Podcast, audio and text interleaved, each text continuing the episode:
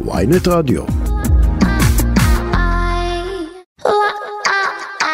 עכשיו בוויינט רדיו, כסף חדש, עם רועי כץ.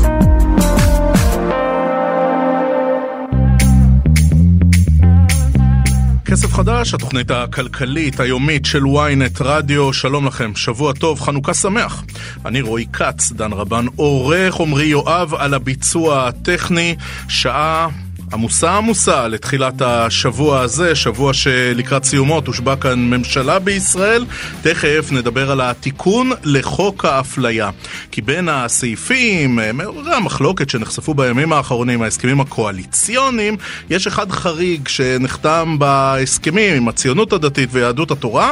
לפי הסעיף הזה יועבר תיקון לחוק האפליה, באופן שיאפשר לבית עסק פרטי להימנע מלספק שירות או מוצר בשל אמונה דתית, אם ניתן להשיג חלופה דומה בקרבה גיאוגרפית במחיר דומה, ומהבוקר סוערות הרוחות אחרי התבטאויות של חברת הכנסת אורית סטרוק וחבר הכנסת שמחה רוטמן, שניהם אצל הקולגות ברשת ב', סטרוק אמרה, רופא יכול שלא לתת שירות אם זה נוגד את אמונתו, שמחה רוטמן אמר, בעל מלון יוכל לסרב לארח הומואים, שניהם אגב מהציונות הדתית.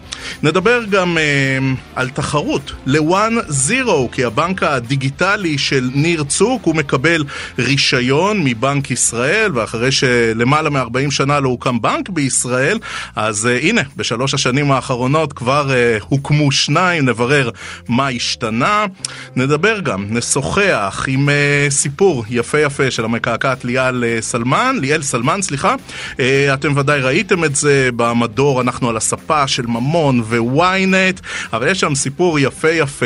משכונת ג'סי כהן לעסק עצמאי בגיל 24 בלבד, אנחנו נשוחח איתה יותר מאוחר, וגם נעסוק בפרשת מיידוף הישראלי, מפני שמייק בן ארי, שחשוד בהונאת משקיעים בישראל במיליוני שקלים, הוא הובא הלילה לישראל, הוא הוסגר, ואנחנו נדבר עם uh, גורמים ברשות לניירות ערך כדי להבין מה בדיוק uh, כוללת הפרשה הזאת, במה הוא חשוד, איך הוא ברח, על ההסגרה, איך דבר כזה קרה, וגם מה יהיה על המשקיעים והאם הם איבדו את כל הכסף.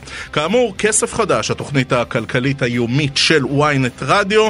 אנחנו רוצים לפתוח עם סערה פוליטית משמעותית משמעותית בשבוע שבו אמורה להיות מושבעת ממשלה, התיקון לחוק האפליה. אומרים שלום לסגנית דיקן הפקולטה למשפטים באוניברסיטת תל אביב. שלום לך, לדוקטור יופי תירוש. אהלן רועי. טוב, מה החוק הקיים אומר, נכון, נכון לעכשיו? תכף נדבר על החוק החדש. החוק הקיים, שיש לו שם חיבה חוק המועדונים או חוק הסלקטורים, נחקק לפני קצת יותר מ-20 שנה, בעקבות פניות של מזרחים על זה שהם לא נכנסו למועדונים, פניות לאגודה לזכויות האזרח, ושהכנסת דנה בסוגיה הזאת, היא בעצם אמרה שבאמת גם אם מדובר בעסקים פרטיים, ברגע שהם נותנים מוצר או שירות שיש לו אופי ציבורי במרחב הציבורי, אז בעלי העסקים לא יכולים להפלות אנשים על בסיס מין, גזע, עדה, גיל, נטייה מינית, דת וכולי, שזה מה שהחוק היום אה, אה, אומר. ובאמת הייתה לנו אה, שורה של אה, התדיינויות משפטיות שבהם באו לבית המשפט מקרים כמו אלה שעכשיו אה, הציונות הדתית מבקשת להפוך לחוקיים, ובתי המשפט בישראל אמרו, לא, הדבר הזה הוא אה, אה, אסור ולא יכול שיקרה. אני אספר לך סיפור אמיתי שנסגר בפשרה ולכן אה, במסגרת ההסכם לא אי אפשר אה, לחשוף את הצדדים. אבל אה, בחורה הייתה בטיפולי פוריות וממש יושבת על כיסא הטיפולים, נכנסת בת הזוג שלה לקליניקה והרופאה עוזבת את הטיפול באמצע, בגלל שהרופאה לא אוהבת את הרעיון שמדובר בבנות זוג אה, אה, לסביות. יש לנו המון סיפורים של אה, זוגות אה, גברים שמבטלים להם את ההזמנה לצימר, כי בעל הצימר שומע שהשמות זה שמות של, של שני גברים. אה, יש לנו המון סיפורים של נשים שלא נותנים להם לעלות לאוטובוס בגלל שהן לא לבושות צנוע מספיק, אפילו לעלות לאמבולנס בזמן הקורונה בגלל שהן לא... אה, אה, עכשיו, דוקטור תירוש, יש הבדל בין שירות שהוא שירות ציבורי ובין שירות שהוא שירות פרטי? על גורמים ציבוריים כמו המדינה ורשויות מקומיות חלה חובה מוגברת שלא להפלות, אבל החוק מכסה גם בעלי עסקים אה, אה, פרטיים. אתה בתוכנית כלכלית, אז אתה תבין לגמרי את הרעיון פה. כל מה שאנחנו מדברים עליו כשאנחנו מדברים על המושג שוק, זה שמה שמשנה בשוק זה אה, שיש לנו אה, אה, מוכר שרוצה ויכול למכור מוצר או שירות, וקונה שיש ברצונו ובאפשרותו למכור את המוצר או השירות. אחרת, אם אנחנו מתחילים להכניס שיקולים של מי אתה, ואם אתה מוצא חן בעיניי, ואם אתה מתאים לאידיאולוגיה שלי, החברה פשוט מתפוררת. היא מפסיקה אה, אה, לתפקד, וגם במונחים, לא שאלה הסיבות העיקריות פה, אבל אפילו במונחים של יעילות שוקית, אנחנו מכניסים אה, משתנים מאוד מאוד לא יעילים לסיפור הזה. רגע, אז אני אתן את הדוגמה מהצד השני. אני בעל קייטרינג. אה, ומגיע אליי אה, אירוע של מפלגת נועם. ואני לא מעוניין לספק שירות לאבי מעוז, למפלגת נועם ולכל התכנים שאני תופס אותם כאיומים. אז אני חייב? אין לי ברירה? בחברה דמוקרטית, אה, כשאנחנו עוסקים בזכויות יסוד, כמו למשל חופש ביטוי וחופש דת וחופש מצפון, אנחנו צריכים להבין שהמבחן של הזכויות האלה הוא לא כשאני שומעת ביטוי שהוא נורא נעים לי לאוזן, אלא המבחן הוא כשאני שומעת דעות שהן מאוד מאוד מרגיזות. ובית המשפט העליון הישראלי קבע שרק ביטוי שהוא אה, אה, מהווה סכנה לציבור של הסתה שתוביל לאלימות, הוא יהיה ביטוי שנצנזר. אבל אני, כאן, אני תופס את אבא ואבא או אימא של אימא של כן. אבי מעוז כביטוי כן, שהוא כן, ביטוי. אלים. אני מבינה את זה לגמרי, אבל עם כל הקושי, ואני האחרונה שאשמח בלספק אה, כל שירות שהוא לחבר הכנסת מעוז, אבל אה, אה, אנחנו חייבים להבין שכשאנחנו מדברים על סיטואציה שוקית, אתה מספק להם קייטרינג, אתה לא מספק להם, לא ביקשו ממך לכתוב את המצע שלהם. אוקיי? של, ה, של המפלגה בכנסת. אני שואל את זה בזהירות, זה... דוקטור תירוש, אבל זו גזירה שהציבור יכול לעמוד בה? הרי אנחנו מבקשים, לדוגמה, מבית דפוס חרדי אה, אז אה, להדפיס אה, תכנים בעלי אופי ליברלי מיני, או בבית דפוס באום אל-פחם להדפיס כרזות של איתמר בן גביר. אלה, אלה דברים שבמציאות שלנו אפשר בכלל לאכוף אותם? אנחנו אומנם חברה מאוד סבוכה ורב תרבותית ומגוונת, אבל זה לא שאפשר לעמוד בגזרות האלה, אנחנו עומדים בהן כל הזמן. כשאני נכנסת למונית עם, עם בן אדם דתי, והוא רואה בדיוק שאני אישה חילונית, ואני לא תמיד, לא, לא שאני מהמתלבשות הכי חשוף, אבל אני, ברור מה הזהות שלי, אנחנו מסוגלים לשבת ולדבר בצורה נעימה, גם אם זה על פוליטיקה ושאנחנו לא מסכימים. כשאני הולכת לדוכן פלאפל האהוב עליי, אה, אה, ליד הבית ואני רואה את הסטיקרים של המפלגות ש, שבעל הדוכן אה, אה, מצביע אליהם, וזה לא מפלגות שעושות לי טוב על, על הנשמה, אני עדיין עושה את הטרנזקשן הזה, כן? את, ה, את, ה, אה, את החילופי אה, אה, דברים שקשורים למה שיש לו למכור ומה שיש, אני יודעת שהוא עושה לי את הפלאפל עדיין במקצועיות ו, ו, ומכל הלב.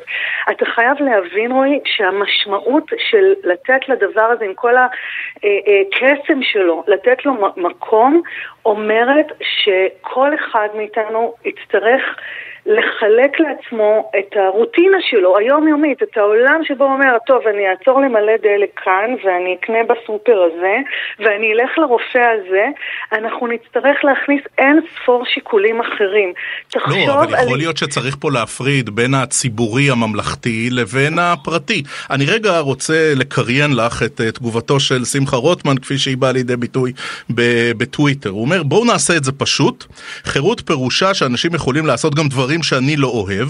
חופש ביטוי אומר שאפשר להגיד גם דברים לא נחמדים על דתיים, על ערבים וגם על הלהט"בים. חופש העיסוק אומר שאדם יכול גם להתנהג לא יפה ללקוחות ולהחרים אה, או לא להחרים, וקהל הלקוחות יעניש אותו או לא יעניש אותו. ככה זה חופש מזעזע נכון, דברי חבר הכנסת שמחה רוטמן.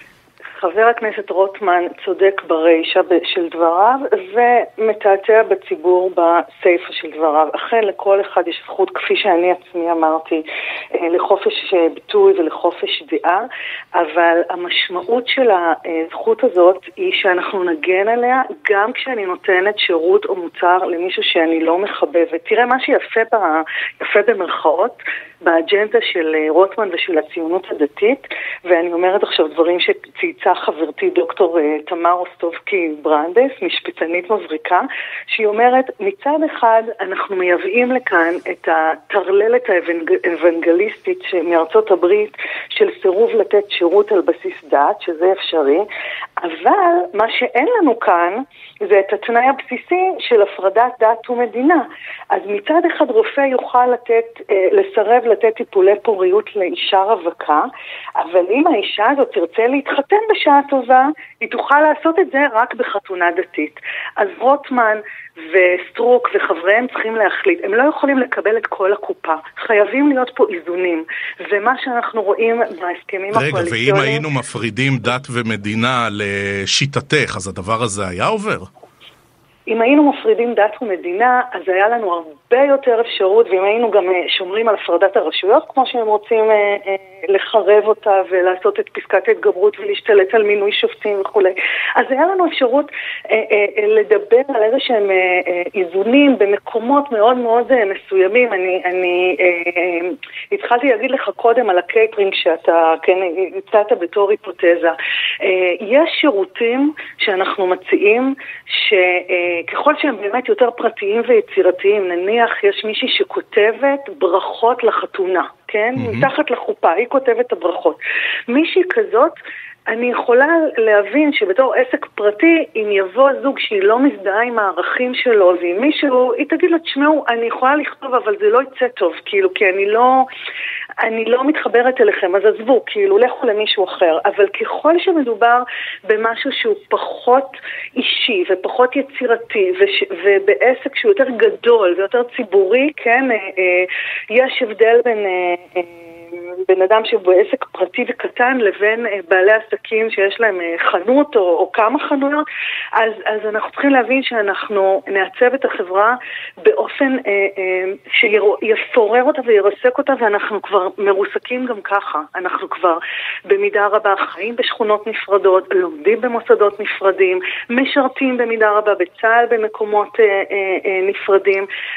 הדבר הזה פשוט את ה... את ה שמץ של אה, הסיכוי לחיות כאן ביום-יום בתור חברה של בני אדם, כן? של אנשים, אה, הדבר הזה אה, ישמוט את הקרקע. הוא פשוט ירסק אותנו. בואי קחי אותנו רגע לזירה המשפטית. אה, הדבר הזה עובר בג"ץ? תראה, אה, ב- בימים כתיקונם, זה חקיקה שלא צריכה לעבור את אה, מבחן בג"ץ, כיוון שהיא פוגעת אה, אה, במידה אנושה בכבוד האדם ובחירויות יסוד אחרות.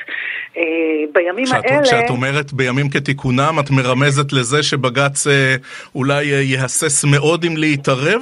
זה לא סוד שנוצרת אווירה ציבורית של דה-לגיטימציה שמחלישה את הכוח היחיד שיש לבג"ץ. לבג"ץ אין, כמו שאומרים המשפטנים, לא ארנק ולא חרב. אין לו כסף בשביל לאכוף, אין לו תקציב לאכוף את הפסיקות שלו, ואין לו כוח משטרתי לאכוף את הפסיקות שלו.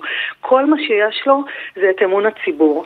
וכשהפוליטיקאים בקואליציה עושים לו דה-לגיטימציה נמשכת פעם אחר פעם, כולל ב... אה, ושוכחים שהוא מגן גם על הזכויות של הציבורים שלהם.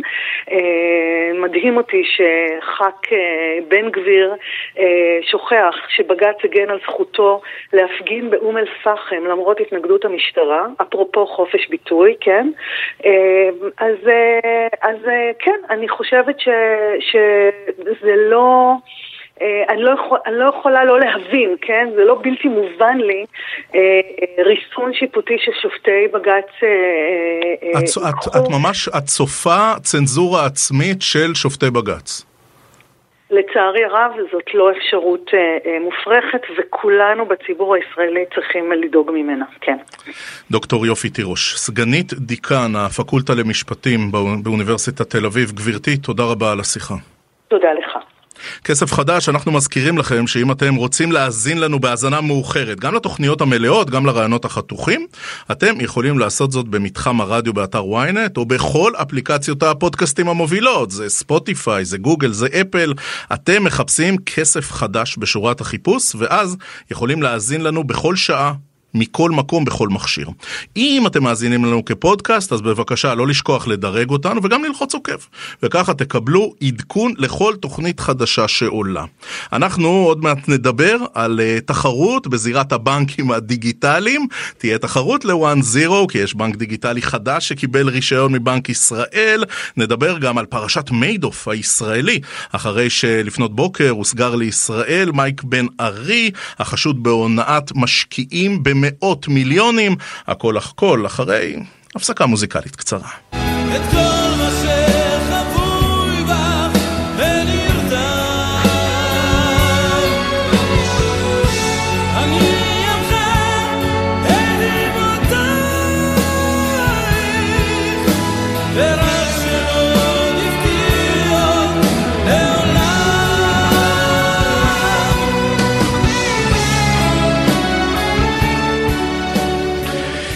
כסף חדש, אנחנו ממשיכים אחרי הקלאסיקה הזו של בנזין בביצוע של אלי לוזון.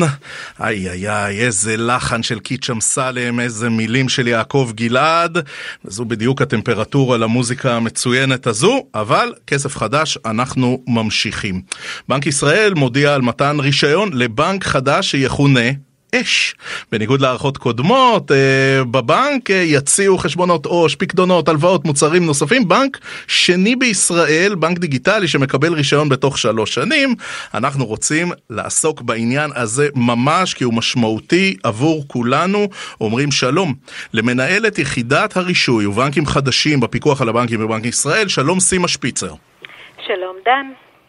אני רועי, אמ, למעלה מ-40 שנים, סימה, לא הוקם בנק בישראל. בשלוש השנים האחרונות, הנה, הוקמו שניים. ספרי לנו מה השתנה. אה, אז קודם כל בנק ישראל עבד קשה מאוד בשנים האחרונות כדי לאפשר הקמה של בנקים חדשים.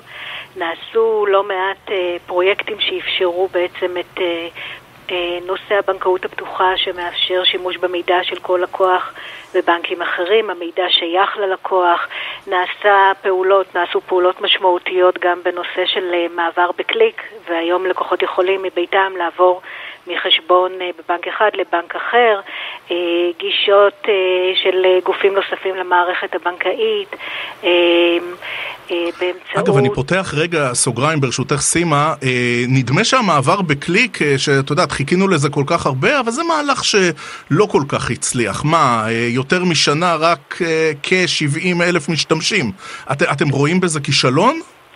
קודם כל הנתונים בעולם מראים שזה בערך יחס לשימוש, אנחנו לא רואים בזה כישלון, אנחנו דווקא רואים בזה הצלחה. אנחנו רואים שהמערכת מתחרה על כל לקוח, וזו הבשורה בעצם לציבור הלקוחות.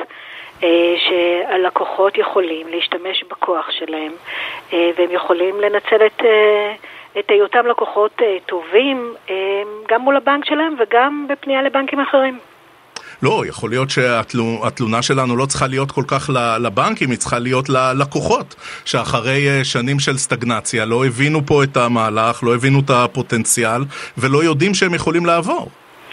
אז זה באמת אחריות של הציבור. אנחנו מנסים לעשות ככל הניתן את החינוך הפיננסי הנדרש, אבל תמיד זה סופו של דבר האחריות של הציבור לבדוק כמה הוא משלם על השירותים שהוא צורך, גם השירותים הבנקאיים.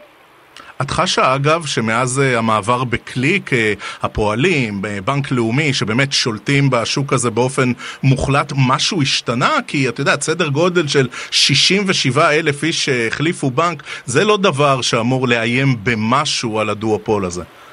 זה לא כל כך משנה כמה לקוחות החליפו בנק. מה שמשנה זה כמה לקוחות שיפרו את מצבם, ועל זה אין לנו בדיוק מידע.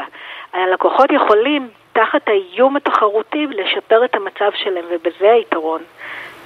כן. טוב, אני רגע חוזר ברשותך לבנק הדיגיטלי החדש. אה, מה התהליך עכשיו? אה, תני לנו קצת אה, לוז לפחות מהצד שלכם. אוקיי, אז ההערכה היא שבערך בתקופה של שנה וחצי, ככה לפי הערכת היזמים, ייקח להם ליצור את כל התשתיות הנדרשות כדי להתחבר למערכת הבנקאית, לסיים את כל התהליכים הטכנולוגיים, הניהוליים, התפעוליים להקמה של הבנק החדש.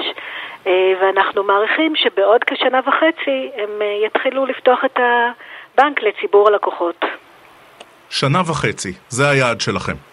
זה היעד שקבעו היזמים, אנחנו נעקוב ונראה איך הם אה, מתקדמים, וכמובן נסייע להם ככל, ככל שנדרש. בנק ישראל נערך. זה יעד ריאלי או שזה מסוג ההבטחות האלה שאת יודעת, אה, זה נחמד במצגת אבל זה פחות בא לידי ביטוי בשטח?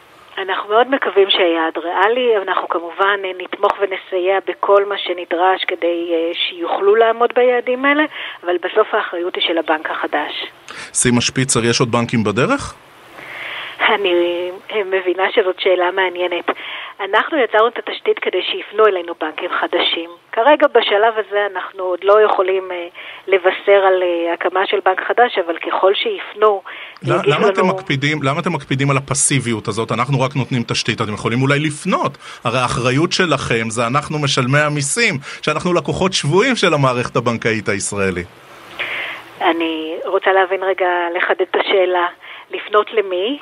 לבנקים לדוגמה אה, בחו"ל, בנקים אה, גדולים, בנקים בינלאומיים, גם הם היו יכולים להיכנס הנה ולהוות תחרות. לאורך כל השנים נגידי בנק ישראל פנו לבנקים הגדולים. הבינלאומיים, וחלקם אפילו נכנסו, אתם בוודאי יודעים שסיטי בנק, HSBC, ברקליס, SBI פועלים בישראל, הם בנקים אה, זרים בינלאומיים. ההחלטה שלהם עד כמה להיות פעילים גם במגזר הקמעונאי, החלטה שלהם בלבד, אבל אה, הפניות היו וימשיכו לעשות. אנחנו מאוד מאוד נשמח אם יבואו אלינו גם בנקים חדשים דיגיטליים לישראל ויראו בישראל מקום שמעניין אותם לעשות עסקים. אנחנו מצידנו יצרנו את כל התשתית כדי שיוכלו להיכנס ולפעול כאן. אנחנו מאוד נשמח שיבואו. עכשיו, זה לא עניין של... בנק ישראל הוא זה שנותן את הרישיונות, אבל לא בנק ישראל מקים את הבנק. אנחנו נבדוק את התוכניות שלהם ונראה שהתוכניות טובות, יציבות וברות קיימא, ואם הכל יעמוד בדרישות הסבירות שלנו, אנחנו נשמח מאוד לתת לעוד בנקים זרים, בינלאומיים, חדשים, רישיונות. כן. סימה שפיצר, מה אנחנו צריכים ללמוד מזה ששני הבנקים, כן, גם 1-0 וגם אש, הם אה, בבעלותם של אה, טייקוני טכנולוגיה ישראלים? מה זה אומר? שהתחרות לא מגיעה מגופים פיננסיים, אלא דווקא מסצנת הטכנולוגיה וההייטק? אני חושבת שקודם כל אה, חלה תמורה מאוד משמעותית בהתנהגות הלקוחות, ואנחנו רואים שיותר ויותר לקוחות, זה מהמידע שקיים אצלנו בפיקוח על הבנקים, למעלה מ-85% אה, מהלקוחות בכלל המערכת הם אה, לקוחות דיגיטליים, כולל גם בגילאים מבוגרים מאוד, וזה אומר שהציבור שינה את הטעמים שלו ביחס להגעה לסניפי, לסניפי הבנקים כדי לקבל שירותים בנקאיים, והיום ניתן לבצע הרבה מאוד מהפעולות בכל הבנקים באמצעות הדיגיטל. אנחנו רואים את המגמה נוטה לשם גם בעולם, ברישיונות החדשים שניתנים לבנקים חדשים, רובם בתחום הדיגיטלי. באמת אה, זה הכיוון. אה, אבל גם הבנקים המסורתיים נותנים אה, את מירב השירותים הבנקאיים באמצעות הדיגיטל, ונראה שעצם העובדה שמאחורי הבנקים החדשים הדיגיטליים עומדים יזמי, יזמים טכנולוגיים עם ניסיון מוכח, מלמדת אותנו שיש גם עניין בתחום ה... הבנקאות, אה, כן. וזה משמח מאוד. בדקה שנותרה לנו, סימה שפיצר, אה, באוטופיה, מבחינתכם, את יודעת, בתסריט האופטימי, כמה זמן עד ששני בנקים כאלה יצליחו לשנות את המערכת הבנקאית הישראלית, ובסופו של דבר אנחנו, הלקוחות, נוכל ליהנות ממערכת תחרותית כזו שרודפת אחרינו ולא אנחנו רודפים אחריהם? אנחנו מקווים שכבר עכשיו הציבור ישכיל ויעשה את כל מה שבידו כדי ליצור את המערכת התחרותית. זה בידיים של הציבור.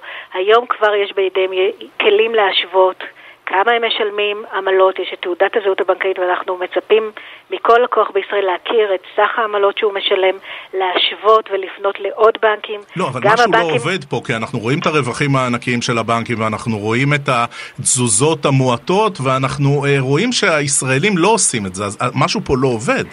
אנחנו מייצרים כל מה שאפשר, כל תשתית אפשרית כדי שזה יעבוד.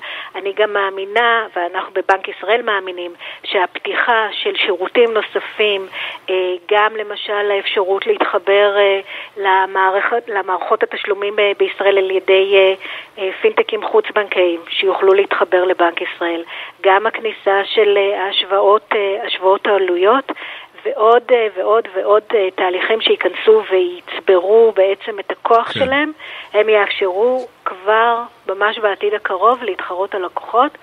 גם הגדולים וגם הקטנים יהיו חלק מהמשחק, הם לא יוכלו להישאר מחוץ למשחק.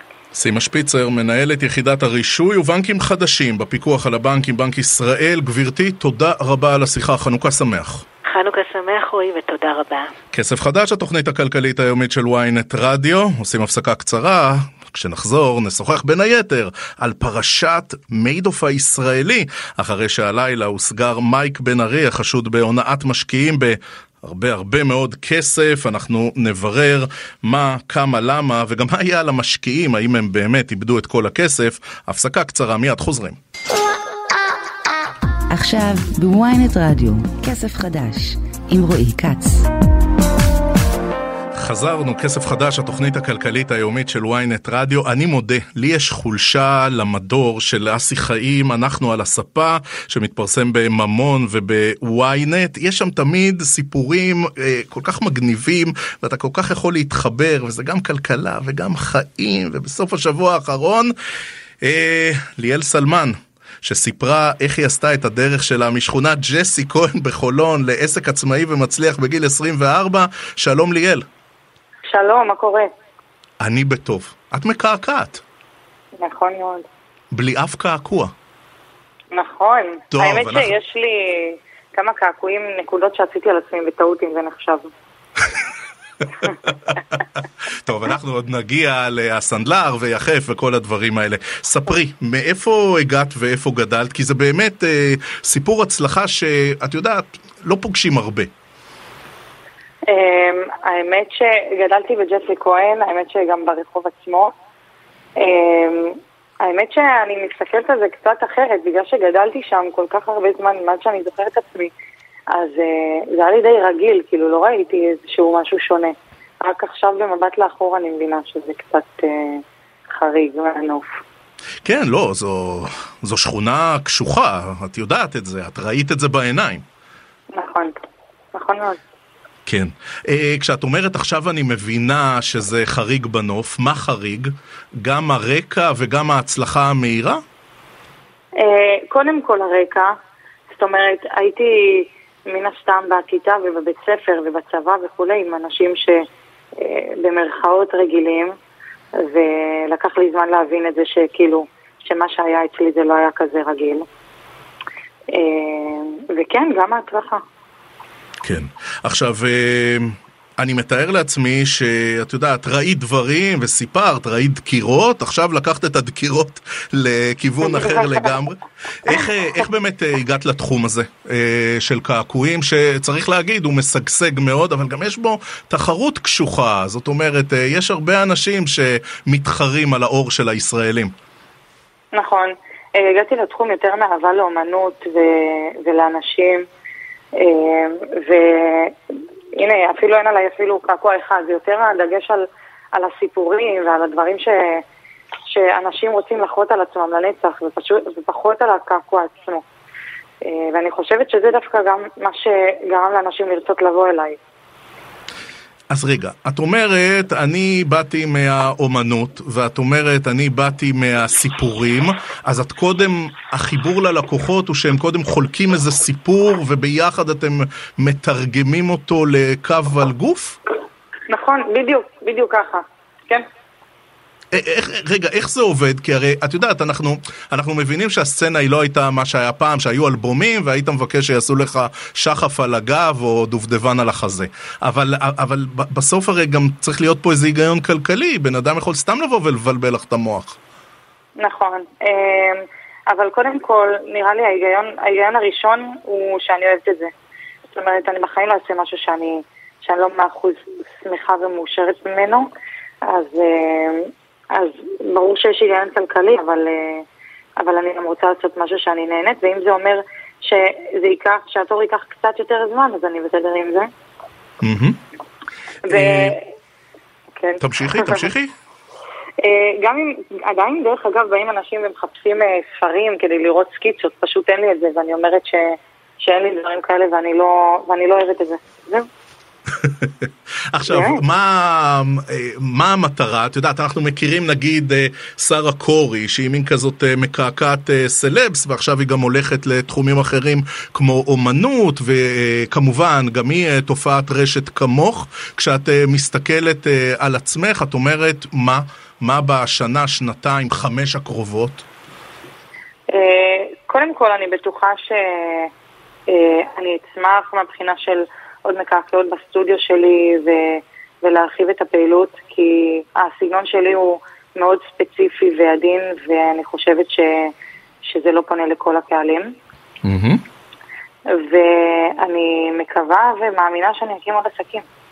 טוב, בואי נדבר רגע על ה... את יודעת, להיות בעל עסק קטן או בינוני בישראל זה, זה דבר קשוח. איך זה עובד? זאת אומרת, אה, עד כמה אה, הקושי להקים עסק, להיות עצמאית, אפילו ברמה של תשלומים, של תזרים, אה, איך זה הולך? אה, זה מאוד קשה. לקחתי הלוואה גדולה בשביל לפתוח את הסטודיו. כמה זה הלוואה אה, גדולה? אה, אני מעדיפה לא להגיד. עד כדי כך? כן, אבל אני, קודם כל אני מאמינה בעצמי, ואני חושבת שגם, שגם הבנק מאמין בי אם הוא קרא את התוכנית העסקית ואישר את זה. אמ, ואני יודעת ש, שזה שווה את זה. אני בסוף קמה בבוקר ועושה את מה שאני רוצה, מה שאני אוהבת, וזה גם עובד.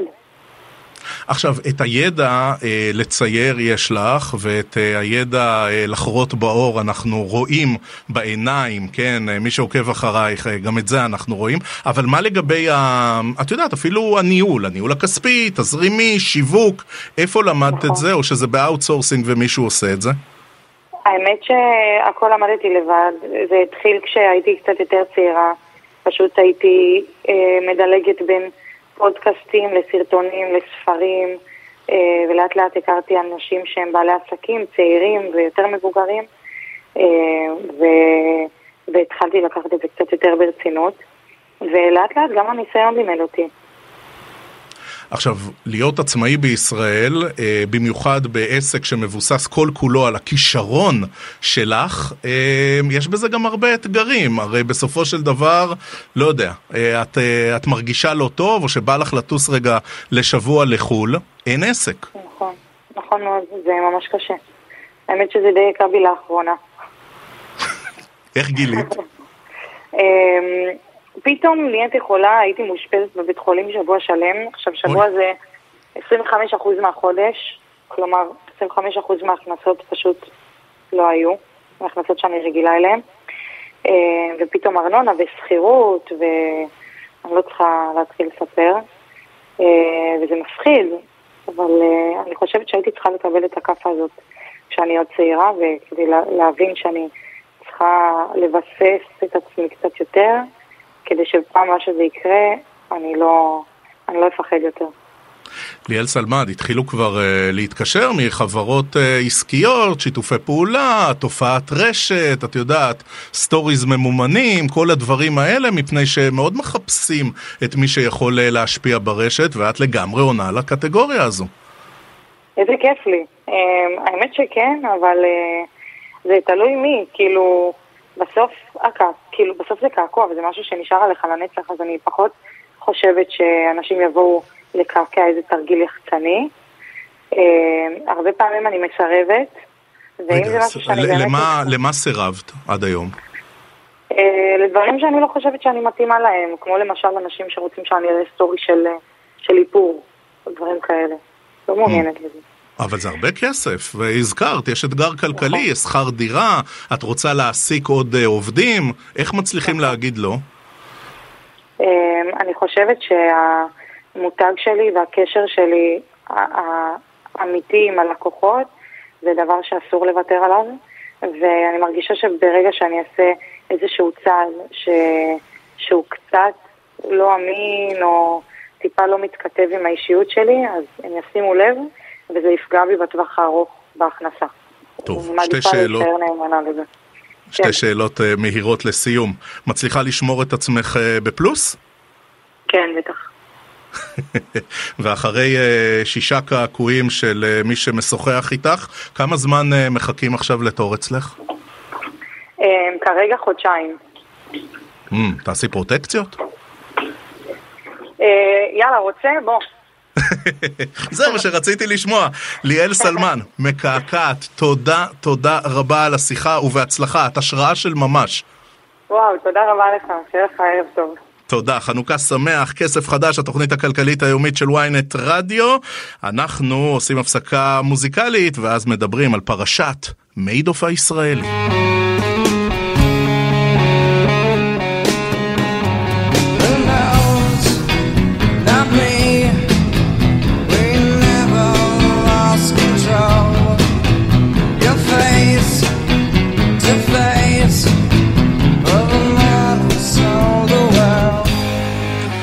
כן, יסלחו לנו נירוונה עם הקלאסיקה הזאת של דיוויד באוי, אבל אנחנו צריכים להמשיך. כסף חדש, התוכנית הכלכלית היומית של ynet רדיו.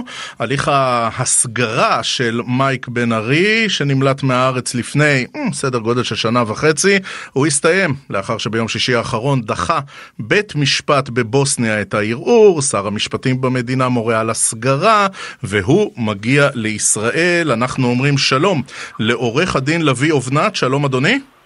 שלום. מנהל מחלקת חקירות, מודיעין ובקרת מסחר ברשות ניירות ערך.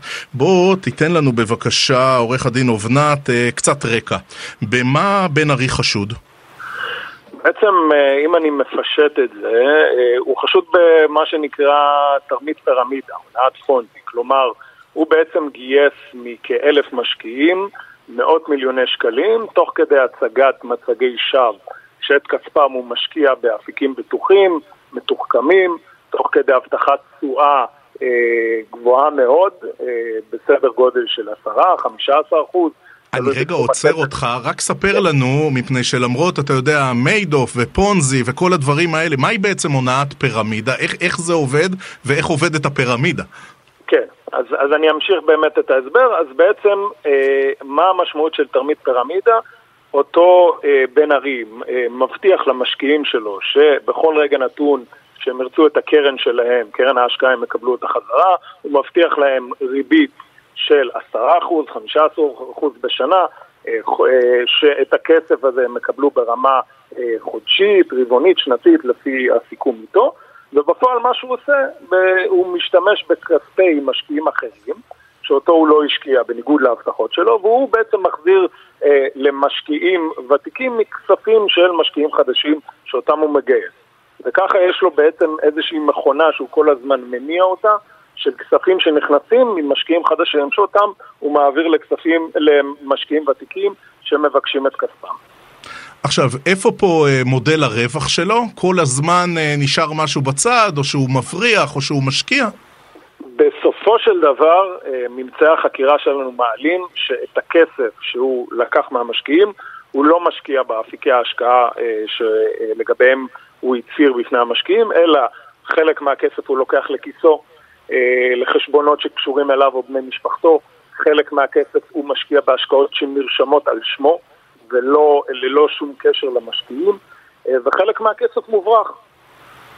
עכשיו, אתה יודע, הכינוי הזה, מיידוף הישראלי, הוא קצת אה, סביב השיטה, נכון? לא כל כך ההיקפים. על איזה היקפים אנחנו מדברים בפרשת בן ארי? אה, אנחנו מדברים על היקפים של מאות מיליוני שקלים, אה, ניתן לחשב את זה בצורות שונות, אבל אה, לכל הפחות מדובר במאות מיליוני שקלים, שזה בהחלט אחת מההונאות הפירמידה הגדולות בתולדות מדינת ישראל. ואתה אומר, המאות מיליונים האלה, אם לא הכל, הרוב הולך אליו לכיס. אכן, אכן. או, או לכיסו, או בהשקעות שונות ומשונות שרשומות בעיקר על שמו. ללא גישה למשקיעים וללא אה, יכולת חזרה שלהם מאותם נכסים שבהם הוא השקיע את כספם. טוב, בוא נחזור קצת אה, לדרמה. אה, איך הוא ברח? אה, בעצם החקירה הגלויה נפתחה באפריל 2021. אה, הוא שוחרר בתנאים מקבילים בבית משפט, הפקיד ערבויות אה, בסכום של 2 מיליון ש"ח, כמו כן תפסנו עוד אה, נכסים וכספים שלו בשווי של עשרות מיליוני שקלים. חודש לאחר הפתיחה בחקירה הגלויה, כשהוא תחת צו איסור יציאה מהארץ ומגבלות נוספות, הוא בעצם משתמש בדרכון מזויף של חבר שהשקיע אצלו ובורח מהארץ.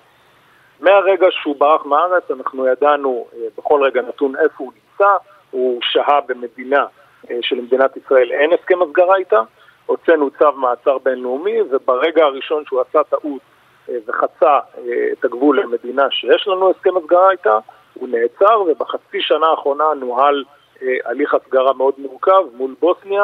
רגע, אז, אז, אז, אז כשהוא בורח לבוסניה הרצגובינה, שם יש לנו אמנת הסגרה האירופית ובסלנג הלך עליו. איפה הוא היה קודם? רוב התקופה הוא שהה בסרביה. שעם סרביה אין למדינת ישראל בשלב הזה הסכם הסגרה. יכול להיות שהוא לא ידע את זה? זאת אומרת, אתה יודע, בשביל uh, מי שהתנהל בכזה תחכום ובשיטות כל כך מורכבות, uh, הוא די uh, נפל ב- ב- ברשת פשוטה.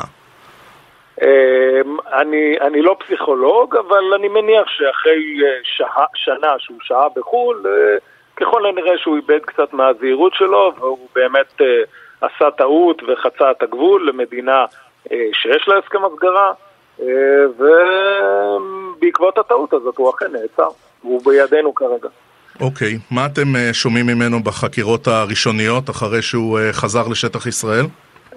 את זה אני לא יכול למסור כמובן פרטים מתוך החקירה עצמה, אבל מדובר בתיק חקירה מאוד חזק עם המון ראיות, גם עדויות כנגדו על מעשי זיוף מסמכים, אה, הונאת משקיעים, הלבנת הון, אה, וגם אה, ראיות פורנזיות, מסמכים, חומי מחשב רבים שתפסנו, ולדעתנו מבססים את תחומת החשדות כנגדו.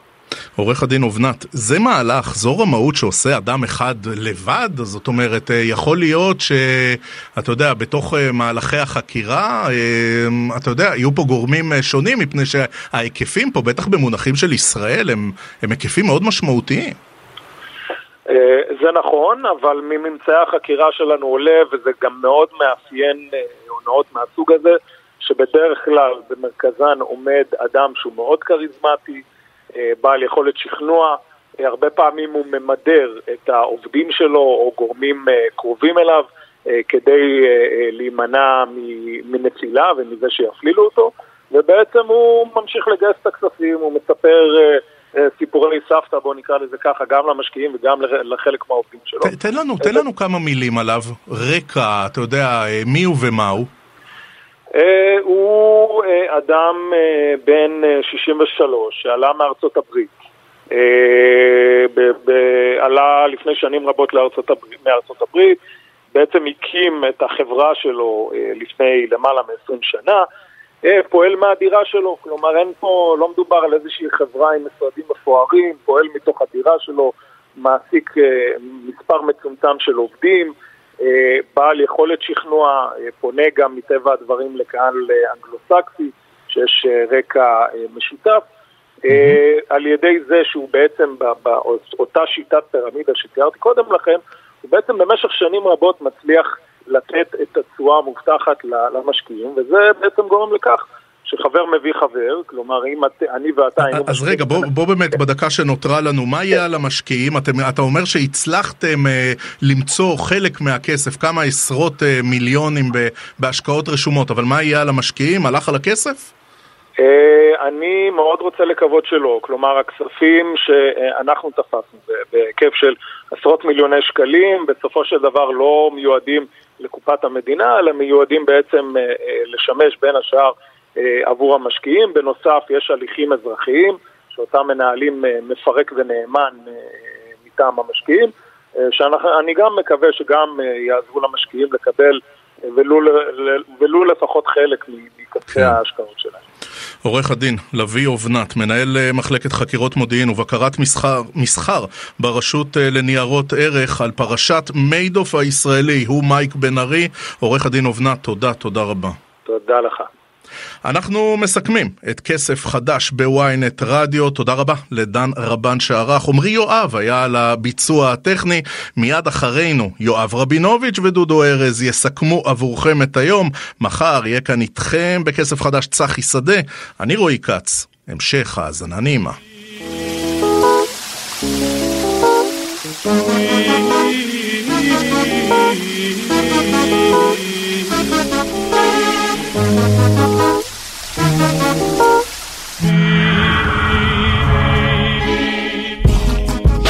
My sun.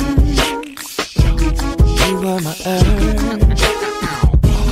You didn't know all the ways I loved you. No.